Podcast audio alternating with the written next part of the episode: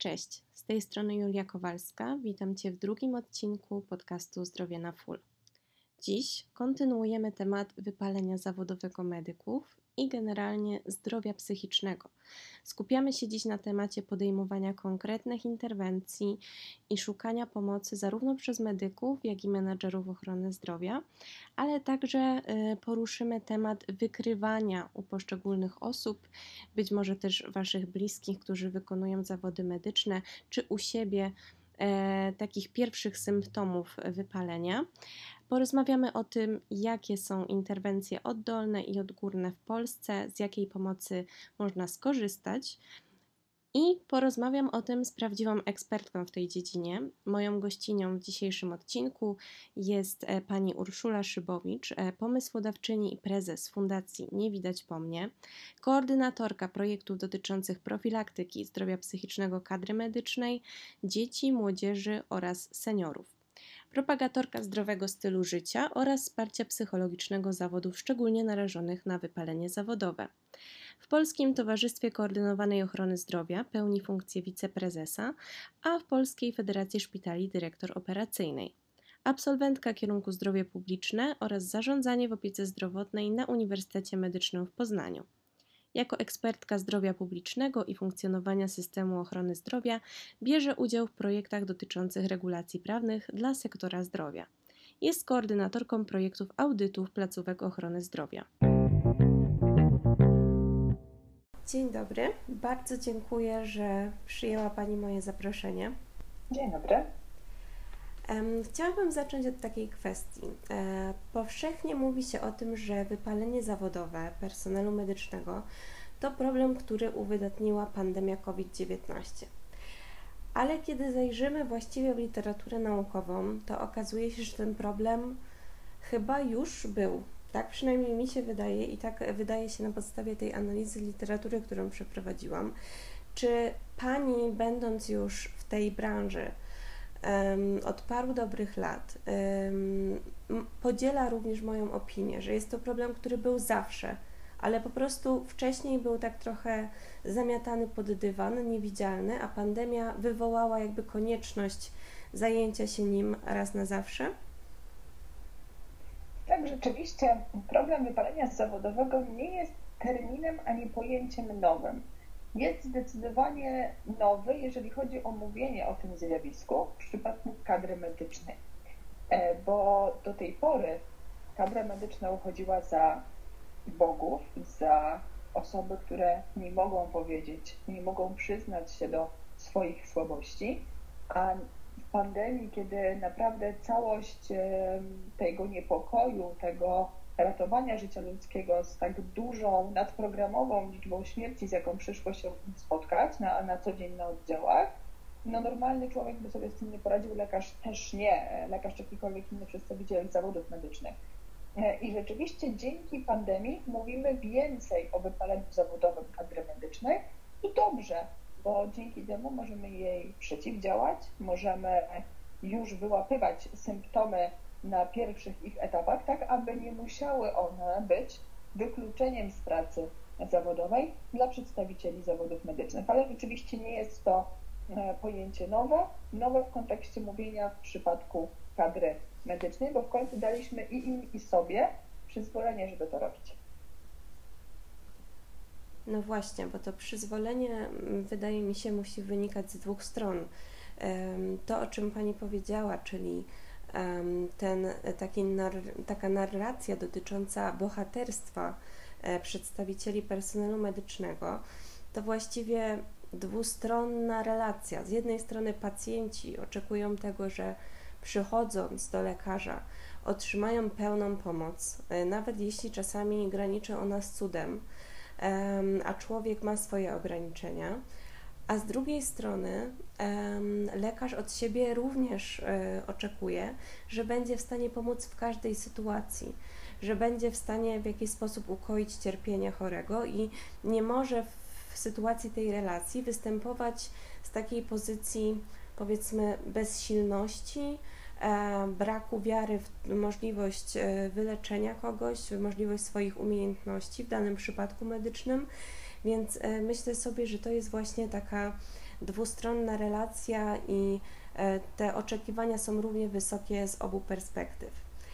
I fundacja, którą Pani stworzyła, e, czyli Fundacja Nie Widać Po Mnie, jest pierwszą świadczącą usługi tego rodzaju fundacją w Polsce. Czy wchodząc na polski rynek zdrowia, spotkaliście się z entuzjazmem środowisk medycznych, czy raczej z poczuciem, że ten temat powinien jednak pozostać tabu? E, I tutaj środowiska zareagowały bardzo pozytywnie, mówiąc, w końcu ktoś chce o tym mówić i w końcu ktoś, kto wie, jak należy tym, tej kadrze medycznej pomóc, bo zna system ochrony zdrowia już od kilku lat. Mm, oczywiście fundację tworzy zespół e, genialnych ekspertów i specjalistów. Nie jest to e, jednoosobowa działalność, tylko praca ekspertów, którzy na co dzień wspierają działania fundacji we wszystkich realizowanych przez nas projektach.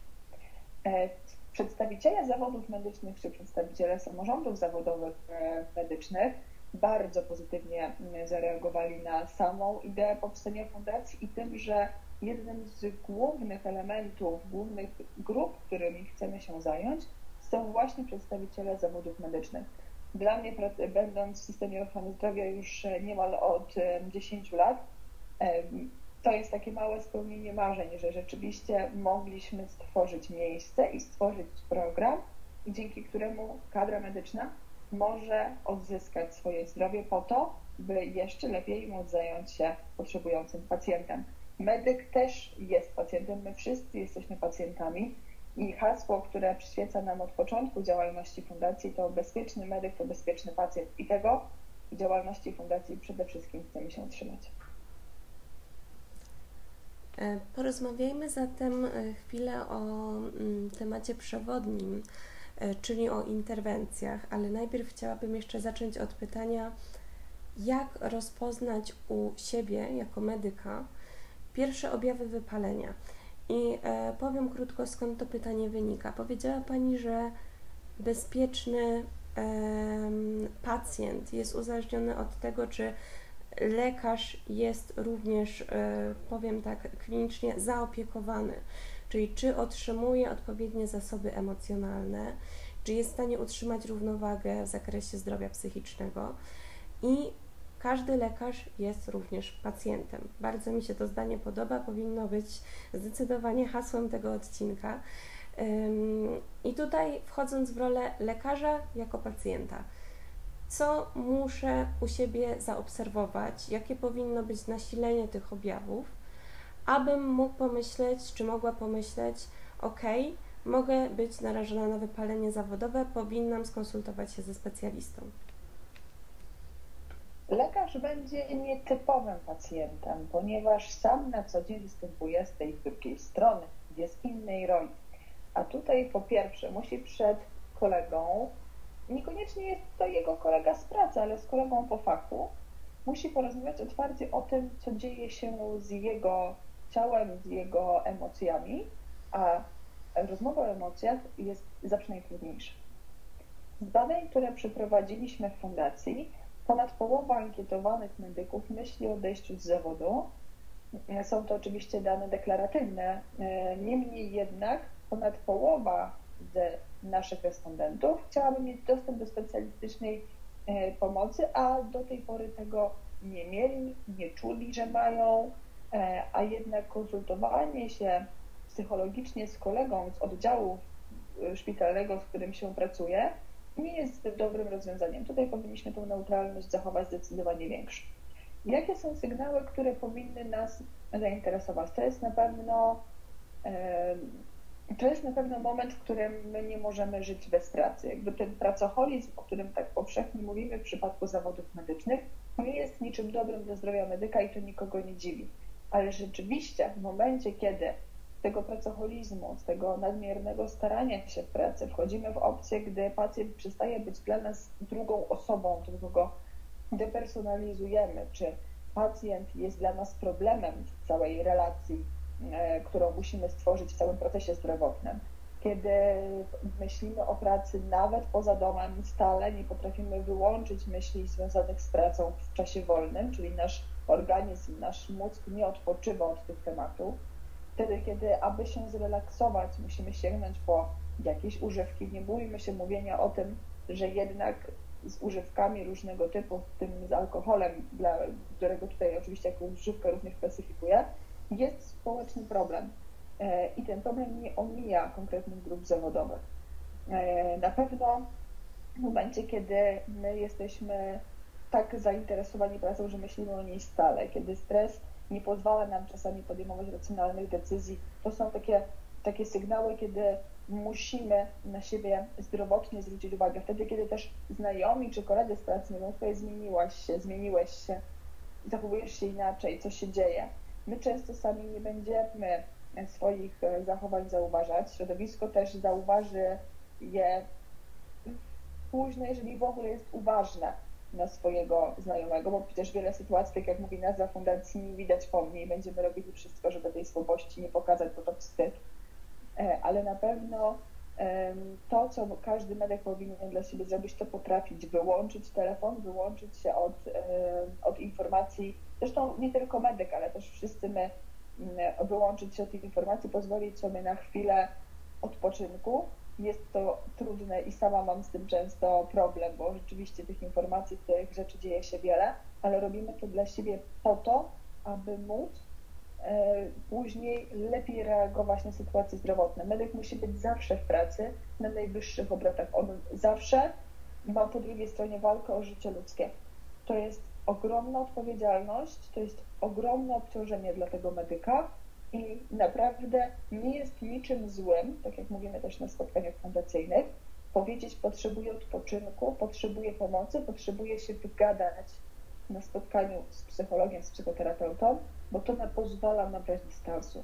I na ten dystans, na to powiedzenie sobie, jestem uważny na swoje problemy, jest właśnie teraz czas w ochronie zdrowia. Okej, okay.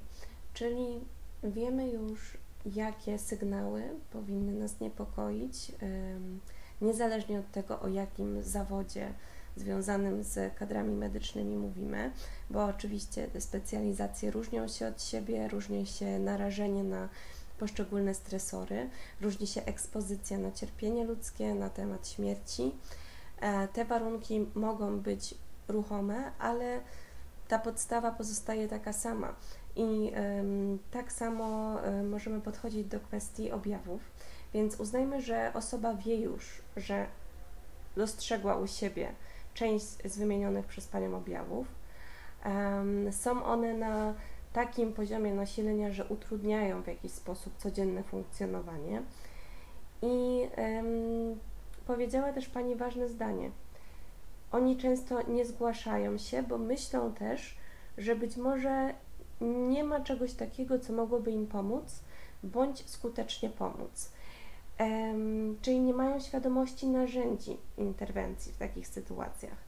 Mają świadomość właśnie możliwości porozmawiania z kimś, kto jest e, również lekarzem, na przykład na ich oddziale, z tym, że zgadzam się z tym absolutnie, że jest to wręcz powiedziałabym nieetyczne, aby w ten sposób e, zasięgać porady lekarskiej, szczególnie jeśli chodzi o e, tematy z zakresu psychiatrii, czy też nawet e, porady mm, w zakresie psychologii klinicznej, ponieważ kolega z pracy nigdy nie będzie na tyle obiektywny, aby mm, podejść do naszego stanu w taki sposób zupełnie pozbawiony relacji e, personalnych. A druga rzecz to my również nie będziemy w stanie się w pełni otworzyć przed taką osobą ze względu na poczucie, a raczej lęk przed tą utratą aprobaty społecznej. Więc tutaj, jeśli chodzi o te inne narzędzia interwencji, czyli takie, które oferują e, lekarzowi jako pacjentowi anonimowość, ale jednocześnie skuteczne wsparcie, to czy dziś Polska jako kraj posiada jakieś odgórne inicjatywy e, zwalczające problem, czy raczej jest to działanie oddolne, tak jak w przypadku działalności fundacji, które jednak zaczynają się, tak jak fundacja nie widać po mnie, od jednej osoby, od pomysłodawcy, i takiego step by step zbierania zespołu, który będzie w stanie pomóc, ale nie jest to jednak działanie odgórne. Możemy powiedzieć tutaj e, już dzisiaj w dwóch aspektach, bo rzeczywiście e, program, który realizuje Fundacja od ponad półtora roku, to jest program Wyspa Wsparcie dla Medyka, kiedy my dotykamy tej pomocą wszystkich przedstawicieli pracujących w systemie ochrony zdrowia, od personelu białego do szarego, totalnie uogólniając w tym momencie. Ale coś, o, o czym możemy zdecydowanie mówić, że dzieje się odgórnie systemowo, jest realizowany przez Ministerstwo Program Wsparcia Psychologicznego Kadry Medycznej finansowany ze środków Unii Europejskiej. Jest to program, który jest aktualnie teraz dostępny dla przedstawicieli kadry medycznej, w tym między innymi lekarzy i lekarzy dentystów, e, farmaceutów, fizjoterapeutów, pielęgniarek i położnych, ratowników medycznych czy diagnostów laboratoryjnych oraz e, studentów e, tych kierunków. Więc to rozwiązanie systemowe jest już dzisiaj dostępne dla przedstawicieli kadry medycznej, po to, żeby mogli zadbać o swoje zdrowie, też nadszarpnięte pandemią, bo o tym zaczęliśmy że to pandemia pozwoliła nam o tym zdrowiu medyków mówić bardziej otwarcie. I dlatego ministerstwo ten program teraz realizuje.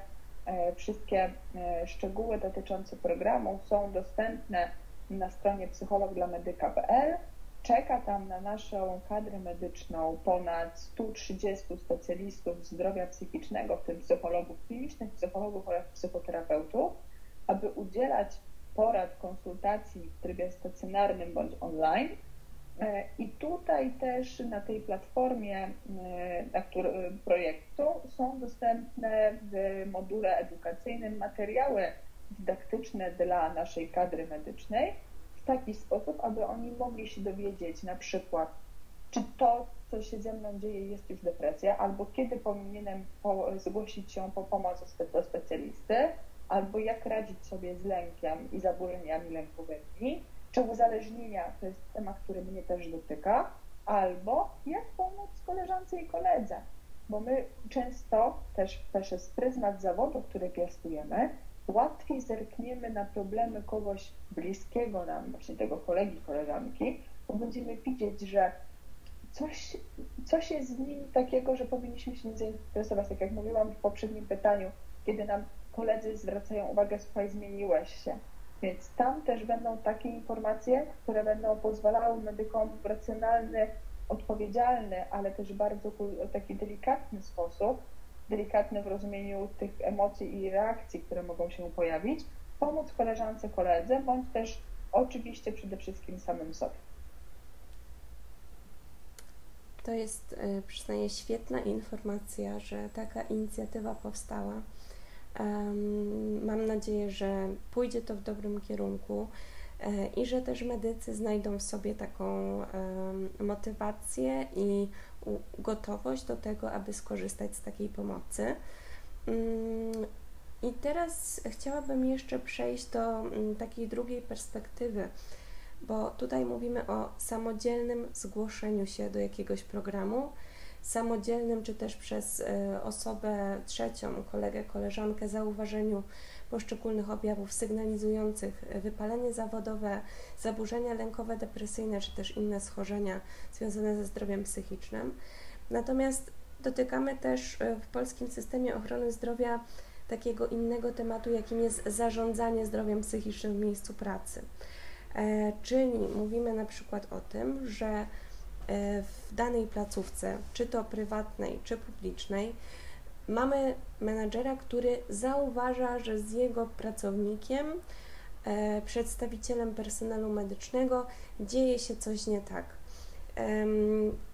I jakie wskazówki dałaby Pani takiej osobie dziś, aby mogła skutecznie wspierać swoich pracowników? Jednocześnie nie wchodząc w ich sferę taką prywatną, intymną sferę ich myśli, emocji, bez takiego agresywnego sugerowania, które często się odbywa w placówkach i, i często jest nawet przyczyną odejścia kadr medycznych z miejsca pracy, czyli takie sugerowanie: hej, dzieje się z tobą coś nie tak, weź wolne, zrób coś z tym bo spotkałam się z takimi reakcjami, e, zbierając opinie również do mojej pracy dyplomowej, Słyszałam wielokrotnie od kolegów, koleżanek, którzy również pracują w placówkach ochrony zdrowia, o takim sposobie radzenia sobie, że tak powiem w cudzysłowie, z kryzysem psychicznym. E, więc wracając do mojego pytania, jakie wskazówki dałaby Pani menedżerom placówek, aby mogli skutecznie sobie z tym e, problemem radzić? Jeżeli chodzi o wskazówki dla menedżerów placówek, to na pewno dużo z ich strony też empatię, mm, wrażliwość na drugiego człowieka i takie po prostu, nie, tak jak też Pani powiedziała, nienachalne informowanie, że dana rzecz istnieje, bo przy, e, jakby modne są w firmach e, czy też w placówkach medycznych różnego typu benefity. Niech jednym z tych benefitów będzie program dotyczący wsparcia psychologicznego kadry medycznej. E, niech to będą na przykład organizowane grupy balinka, e, gdzie będą mogli medycy e, najlepiej w różnych specjalizacjach porozmawiać o sytuacji, która ich dręczy. Niech będą to takie momenty, że też ten menadżer nie pisze wieczorami do swojego zespołu medycznego, też pozwala im odpocząć i sam sobie też pozwala odpocząć oczywiście niech to będą tego typu rzeczy, że, ten menadżer po prostu wchodzi z nimi w partnerską relację, budując kulturę organizacji opartą o pracę w interdyscyplinarnym zespole. My odeszliśmy już od medycyny jedynego bohatera, ten one-man showy, one już nie występują dzisiaj w ochronie zdrowia. Ochrona zdrowia potrzebuje holistycznego podejścia do pacjenta i pracy różnych profesjonalistów z systemu, taki sposób, aby jak najpełniej pomóc pacjentowi i dostarczyć mu jak najwyższą jakość świadczeń. Więc my tutaj, i też to jest moje zadanie często jako menadżer placówki, muszę i chcę, aby mój zespół pracował w, na równych zasadach, gdzie każdy jest tak samo ważny, każdy jest potrzebny w tym zespole i dla każdego z, członka zespołu o różnej specjalności jest miejsce w tym zespole. Czyli na przykład w momencie, kiedy mówimy o szpitalu czy o jednostce, która ma więcej niż monospecjalistyczną poradnię, no to musimy wziąć pod uwagę, że lekarz nie jest najważniejszy, tylko tak samo ważna będzie pomoc pielęgniarki w tym obszarze opieki nad pacjentem, że tak samo ważny będzie fizjoterapeuta, który będzie mógł pacjenta przywrócić do sprawności fizycznej, tak samo ważny będzie diagnosta laboratoryjny, bez którego nie postawimy trafnej diagnozy. Tak samo ważny będzie dietetyk, psycholog. Jeśli mamy do czynienia z ratownikiem medycznym, bo to często ten ratownik nam przecież pacjenta za, przy, będzie transportował do, do szpitala, w którym będziemy na niego czekać. E, tak samo ważny jest też menadżer placówki, czy osoba, która będzie w stanie e, też z pacjentem od strony organizacyjnej czasami porozmawiać, jeżeli będzie taka konieczność. My musimy spojrzeć na ochronę zdrowia jako współpracę grupową, jako miejsce, w którym naprawdę pokazujemy, że można pracować zespołowo i ta zespołowość przynosi największy efekt. W momencie, kiedy medycy będą czuli, że współpracują ze sobą, a nie są obciążeni przypadkiem jednego pacjenta samodzielnie, też ta kultura organizacyjna spowoduje, że oni inaczej będą podchodzili do swojego zdrowia psychicznego, też oni nie będą tak przeciążeni jednym pacjentem czy jednym tematem, tylko będą w stanie zadbać i o siebie, i przede wszystkim o pacjenta.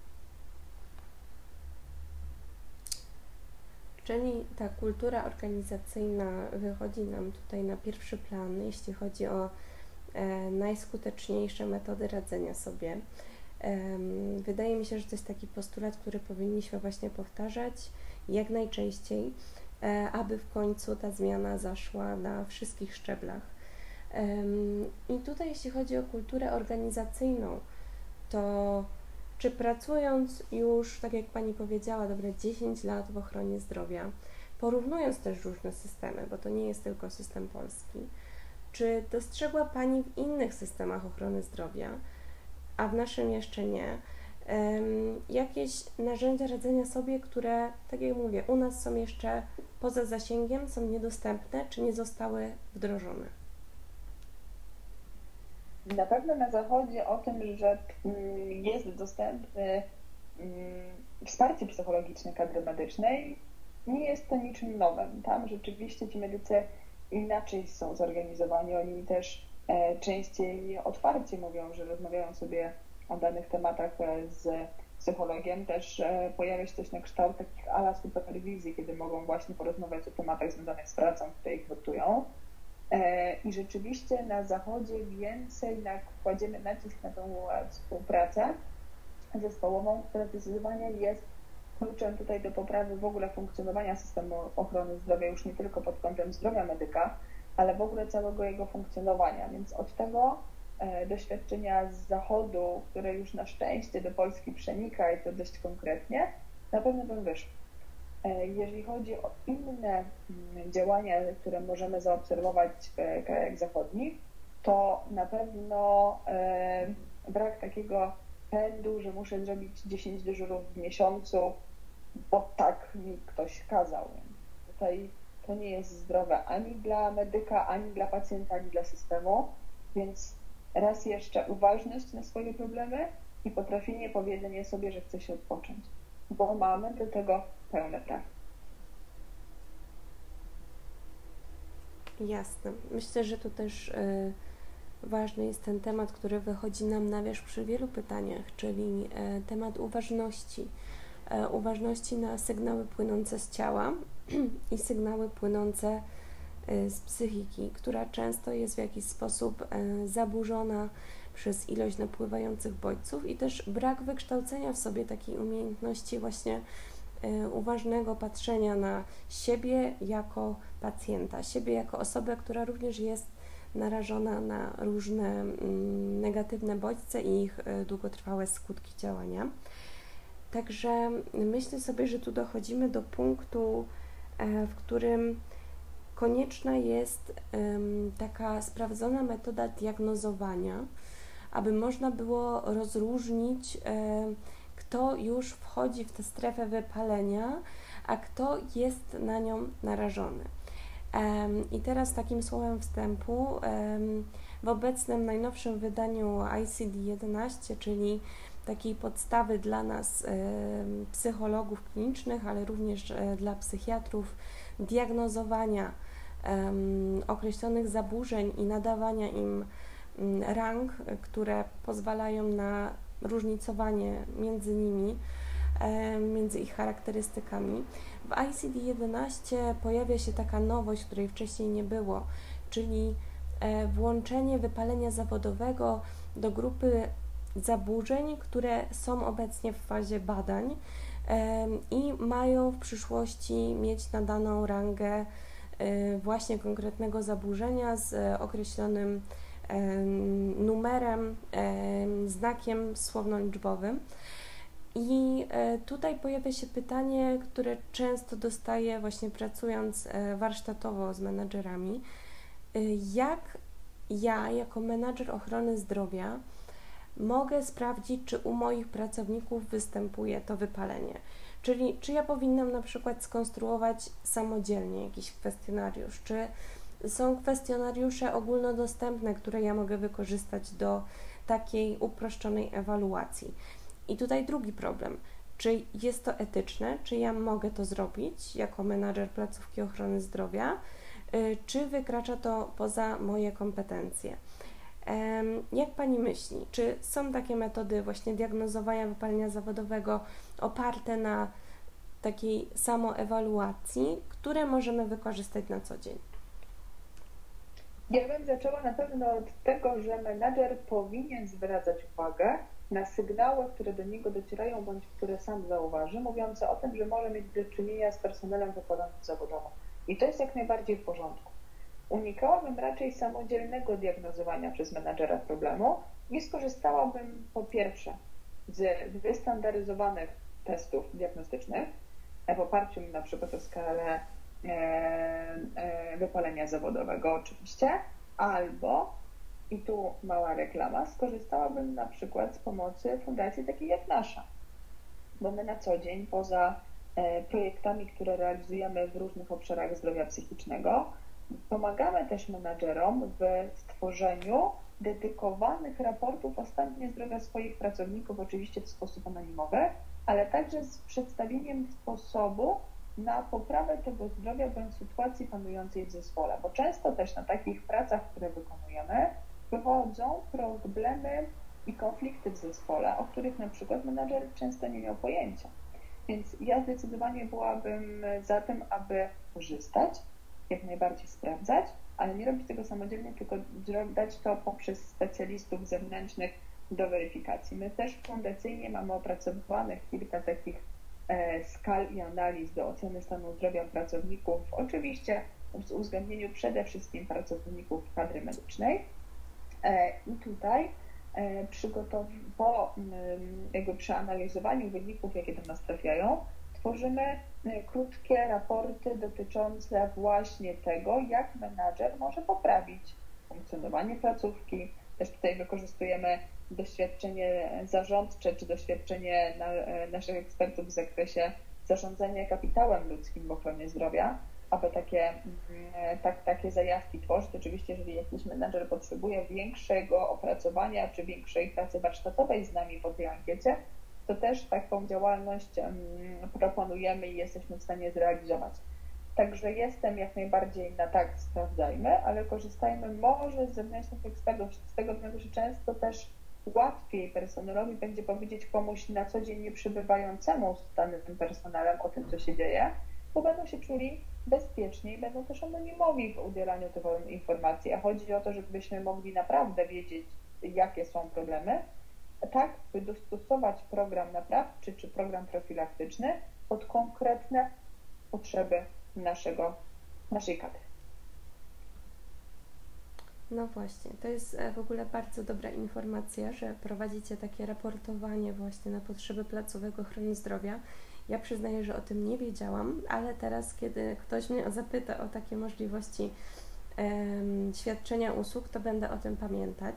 E, myślę, że to jest właśnie bardzo wartościowe ze względu na ten element, o którym Pani powiedziała, czyli zapewnienie anonimowości, takie bardziej etyczne podejście do badania problemu, jednocześnie zapewnienie, że jest to proces e, dobrowolny, ale też przeprowadzany przez osoby zupełnie zewnętrzne, takie, przed którymi te osoby będą mogły się otworzyć bez lęku o utratę tej aprobaty społecznej, czy to ze strony współpracowników, czy ze strony swojego menadżera, od którego być może zależą e, losy danej osoby w tej placówce. Dokładnie. Tutaj mamy też taką sytuację, że Fundacja prowadzi aktualnie kilka badań w jednostkach ochrony zdrowia, aby ocenić stan zdrowia pracowników w niej pracujących, ale też uruchomiliśmy z Naczelną Izbą Lekarską ogólnopolską ocenę stanu zdrowia lekarzy, tożsama, e, tożsame badanie z uwzględnieniem potrzeb fizjoterapeutów będzie uruchomione też w najbliższym czasie i będziemy też, e, ratownicy też zaraz będą mieli udostępnioną dla siebie taką ankietę i będziemy każdy, taka, każdą grupę zawodową medyczną oceniać ogólnie per cały kraj i oczywiście też tworzyć realizować te spotkania, te, te badawcze analizy poprzez współpracy z danymi jednostkami ochrony zdrowia, które czują się już organizacyjnie dojrzałe, aby takie badanie przeprowadzić. Także pod kątem też badawczym Fundacja wiele rzeczy realizuje i e, bardzo chciałabym z tego miejsca podziękować naszym ekspertom, którzy e, pod kątem badawczym bardzo pilnują prawidłowości wykonywanych badań i rzetelności e, przygotowania kwestionariusza, bo rzeczywiście uzyskujemy bardzo ciekawe informacje, i do tej pory nie było aż tak szczegółowych analiz stanu zdrowia kadry medycznej, jak teraz te, które przeprowadzamy na potrzeby badań fundacji.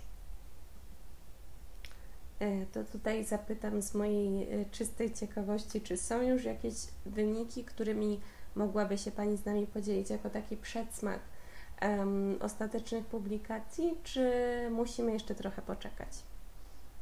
Jeżeli chodzi o te kierunkowe badania, na przykład kadry lekarskiej, e, to jeszcze bym poczekała, bo to badanie uruchomiliśmy z początkiem września. E, jeżeli chodzi o badania, które już Fundacja zbierała, to oczywiście e, informacja o tym, że ponad 50% kadry, przedstawicieli kadry medycznej deklaruje, że czują się zmęczeni, wypaleni zawodowo, że ponad, że prawie 56% chce z tego zawodu odejść To są badania mówiące o tym, że najbardziej wypaloną grupą w zakresie tutaj kierunku lekarskiego są onkolodzy. Tutaj mówimy o niemal 3 czwartych tej populacji zawodowej wypalonej takiej przemęczonej tym, co się dzieje, że jest bardzo ciężka specjalizacja, więc, więc to wszystko się ze sobą łączy.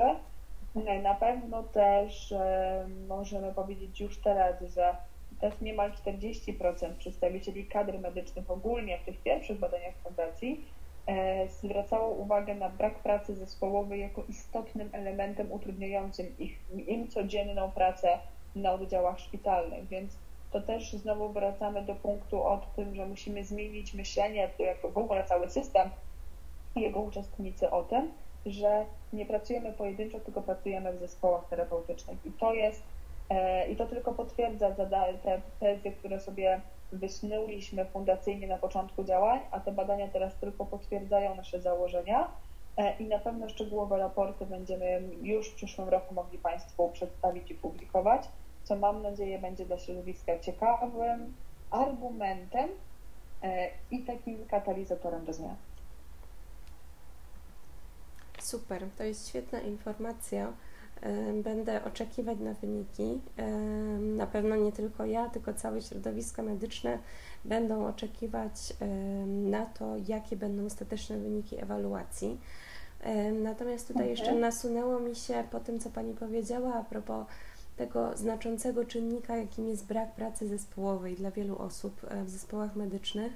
Pamiętam taki projekt w tamtym roku e, realizowany przez Kolegium Medicum Uniwersytetu Jagiellońskiego, którym prowadzono serię webinarów, e, gdzie w czasie każdego spotkania gościem był przedstawiciel innego typu, innej specjalności w zakresie ochrony zdrowia, czyli na przykład w jednym tygodniu mieliśmy psychologa klinicznego, w drugim fizjoterapeutę, ratownika medycznego, pielęgniarkę położną, etc. E, I e, pamiętam, że e, jakby wydźwięk, cała idea serii tych spotkań była taka: poznaj moje zakresy odpowiedzialności, poznaj mój typowy dzień pracy, poznaj to, czym się zajmuję. Poznaj moje kompetencje. Dokładnie. Też, nie? Bo często nie wiedzą, co może robić dokładnie pielęgniarka, poza tym, co my wszyscy wiemy, że może robić. I też, co może robić fizjoterapeuta z pacjentem. Rzeczywiście kadry medyczne nie, nie wiedzą wzajemnie, co ktoś inny może dla nich i z nimi zrobić. Właśnie tak. I ja mam często taką obserwację, nawet sama pracując w takim zespole, że y, często mamy tendencję do umniejszania Y, kompetencjom innych ludzi, ze względu na to, że po prostu nie mamy zupełnie świadomości tego, że ich praca jest równie ważna, tylko na innych płaszczyznach. Umniejszając na przykład pracę pielęgniarki do podawania leków, które zapisze lekarz, tylko i wyłącznie, nie jesteśmy w stanie podchodzić do ich pracy z równoważnym szacunkiem do pracy lekarza bo zawsze ktoś powie z drugiej strony, a okej, okay, no ale lekarz musiał je zapisać. To ona tylko otworzyła pudełko, wyciągnęła i podała pacjentowi. Więc e, to sprowadza inne zawody do takich wykonawczych bardzo zadań e, w momencie, kiedy ustawodawczą, że tak powiem, rolę e, przejmuje lekarz. I to prowadzi do wielu problemów w zakresie komunikacji w zespole. E, sama kiedyś usłyszałam, co jest skrajnym przykładem, ale usłyszałam to osobiście, że na przykład ludzie, którzy nie znają roli psychologa klinicznego w zespole medycznym, w szpitalu, Um, usłyszałam kiedyś od lekarza, że jest to rola podobna do roli psychologa w serialu paradokumentalnym Zdrady w telewizji. Także no jest to bardzo rozczarowujące, że takie podejście jest, ale jest to cały czas aktywne. I wydaje mi się, że takie inicjatywy jak e, poznawanie wzajemnie swoich kompetencji, na przykład w serii takich webinarów, ale też w jakiejkolwiek innej formie, jest równie ważne po to, aby wykształcać nawzajem do siebie szacunek do nabywanych umiejętności i taki podziw wobec wzajemnych kompetencji. Tak, rzeczywiście my potrzebujemy tego wzmocnienia szacunku do własnych kompetencji i kompetencji e, osób, które mogą w zespole z nami współpracować. Bo pielęgniarki też już dzisiaj mogą wypisać receptę. Oczywiście upraszczam bardzo tą sytuację, bo żeby to mogły zrobić, muszą tam spełnić też, mm, czy przejść jakiś kurs. Nie chcę tutaj wnikać w szczegóły, bo nie jestem w tym zakresie ekspertem, ale rzeczywiście my możemy korzystać wzajemnie z mm, kompetencji kolegów, bo często na przykład lekarze narzekają na brak czasu na rozmowę z pacjentem, ale tą rozmowę z pacjentem może też wykonać inny przedstawiciel zawodu medycznego tylko żeby wiedzieć dokładnie, co dzieje się z pacjentem, fizjoterapeuta, pielęgniarka, lekarz, diagnosta mógłby tą, mm, pracując w zespole razem, mógłby po prostu omówić e, jak funkcjonowanie pacjenta i dalej e, przekazać mu informacje, które są dla niego korzystne i potrzebne. Więc na pewno to są tego typu elementy, nad którymi musimy się dzisiaj zastanowić i musimy je zacząć wdrażać. E, I to się powinno już od etapu studiów, bo często, na szczęście uniwersytety też już się pod tym kątem zmieniają, e, ale pamiętam, kiedy ja byłam na studiach na Wydziale Nauk o Zdrowiu, to mój kontakt z kolegami z innych wydziałów, gdyby nie moja działalność w ramach organizacji studenckich, byłby praktycznie znikome, bo e, ja nie, teoretycznie nie potrzebowałam nigdy kontaktu z lekarzami i teoretycznie nie potrzebowałam kontaktu z innymi specjalizacjami, co było na pewno z jednej strony dużym utrudnieniem z całego studiowania, ale też niepokazaniem, jak ten system naprawdę wygląda. Bo co z tego, jeśli ja omawiałam na przykład proces e, promocji zdrowia czy profilaktyki dla pacjenta, jeżeli nie miałam tego ogniwa w postaci rozmowy z lekarzem, co on sądzi o moich działaniach e, i czy one nie będą sprzeczne z tym, co on na przykład pacjentowi już zalecił czy przypisał. Więc my musimy nauczyć się wzajemnej komunikacji. Komunikacją rzeczywiście jest, jest, naj, jest najprostsza, bo leży u podstaw, ale jest też najtrudniejsza do dobrego zorganizowania, e, tak aby naprawdę tym pacjentom odpowiedzieć na potrzeby zdrowotne, na potrzeby, jakie mają, aby mogli też oni szybciej wrócić do swoich obowiązków codziennych. Dokładnie, czyli współpraca, współpraca i jeszcze raz współpraca. E, w tym całym procesie leczenia. Dziękuję bardzo za tą odpowiedź. Myślę, że też bardzo się z nią uosabiam i musimy ten postulat również powtarzać, aby w końcu zmiana w zespołach zaszła, bo jest to taka zmiana, która Oczywiście. musi zostać podjęta od środka i nikt inny żadną inicjatywą odgórną nie jest w stanie tego zmienić. Można jedynie to komunikować, ale, ale to tyle, co możemy zrobić. Moje ostatnie już pytanie. Jakie zmiany systemowe e, Pani zdaniem należałoby wprowadzić w kolejnych latach? Jaką rolę w tych planach odgrywa e, Fundacja Nie Widać Po Mnie? Na pewno utrzymanie programu wsparcia psychologicznego kadry medycznej i studentów kierunków medycznych byłoby dobrym krokiem, aby oswajać środowisko z tym, że mogą korzystać z pomocy psychologa i nie jest to nic złego. E, na pewno, e, na pewno powinniśmy tutaj zwrócić uwagę na to, aby, i tu nawiążę do działania fundacji, nie bać się na przykład robić sobie takich, zabrzmi poważnie, ale audytów zdrowia organizacji. Czy organizacja jest e, przygotowana do zmian, które ją czekają, czy na, na, na które powinna być gotowa i czy jest zdrowa organizacyjnie dla swojego personelu i czy jest w stanie pomóc swoim pracownikom, swojej kadrze w tym, by mogli czuć i poprawiać swoje zdrowie psychiczne. E, I mam nadzieję, że te szczególnie tematy związane ze wsparciem grupowym, z tą analizą stanu zdrowia psychicznego zespołów medycznych, e, z tym tworzeniem programów naprawczych czy programów, programów profilaktycznych wzmacniających zdrowie będzie główną działalnością Fundacji E, na cały czas jej trwania i mamy nadzieję, że uda się to wspólnymi siłami zrealizować, czy z samorządami zawodowymi, czy z otwartymi na zmiany menadżerami placówek ochrony zdrowia. E, tego Wam życzę, aby ta zmiana się udała i dalej będę z całego serca kibicować funda e, działaniom Fundacji Nie Widać Po Mnie. Dziękuję bardzo za to, że poświęciła Pani dzisiaj czas na to, aby podzielić się z nami swoimi obserwacjami, ale też e, konkretnymi danymi z zakresu właśnie zdrowia psychicznego e, pracowników ochrony zdrowia. Wierzę, że ta rozmowa pomoże wielu medykom, po pierwsze w zaobserwowaniu u siebie jakichś pierwszych objawów, ale też e, pomoże menadżerom w takim właściwym, konkretnym i skutecznym adresowaniu e, potrzeb medyków, po to, aby ta zmiana była właśnie jak najbardziej długotrwała i wpływała na całą kulturę organizacyjną danej jednostki ochrony zdrowia. Także dziękuję jeszcze raz bardzo. Bardzo serdecznie dziękuję i do zobaczenia.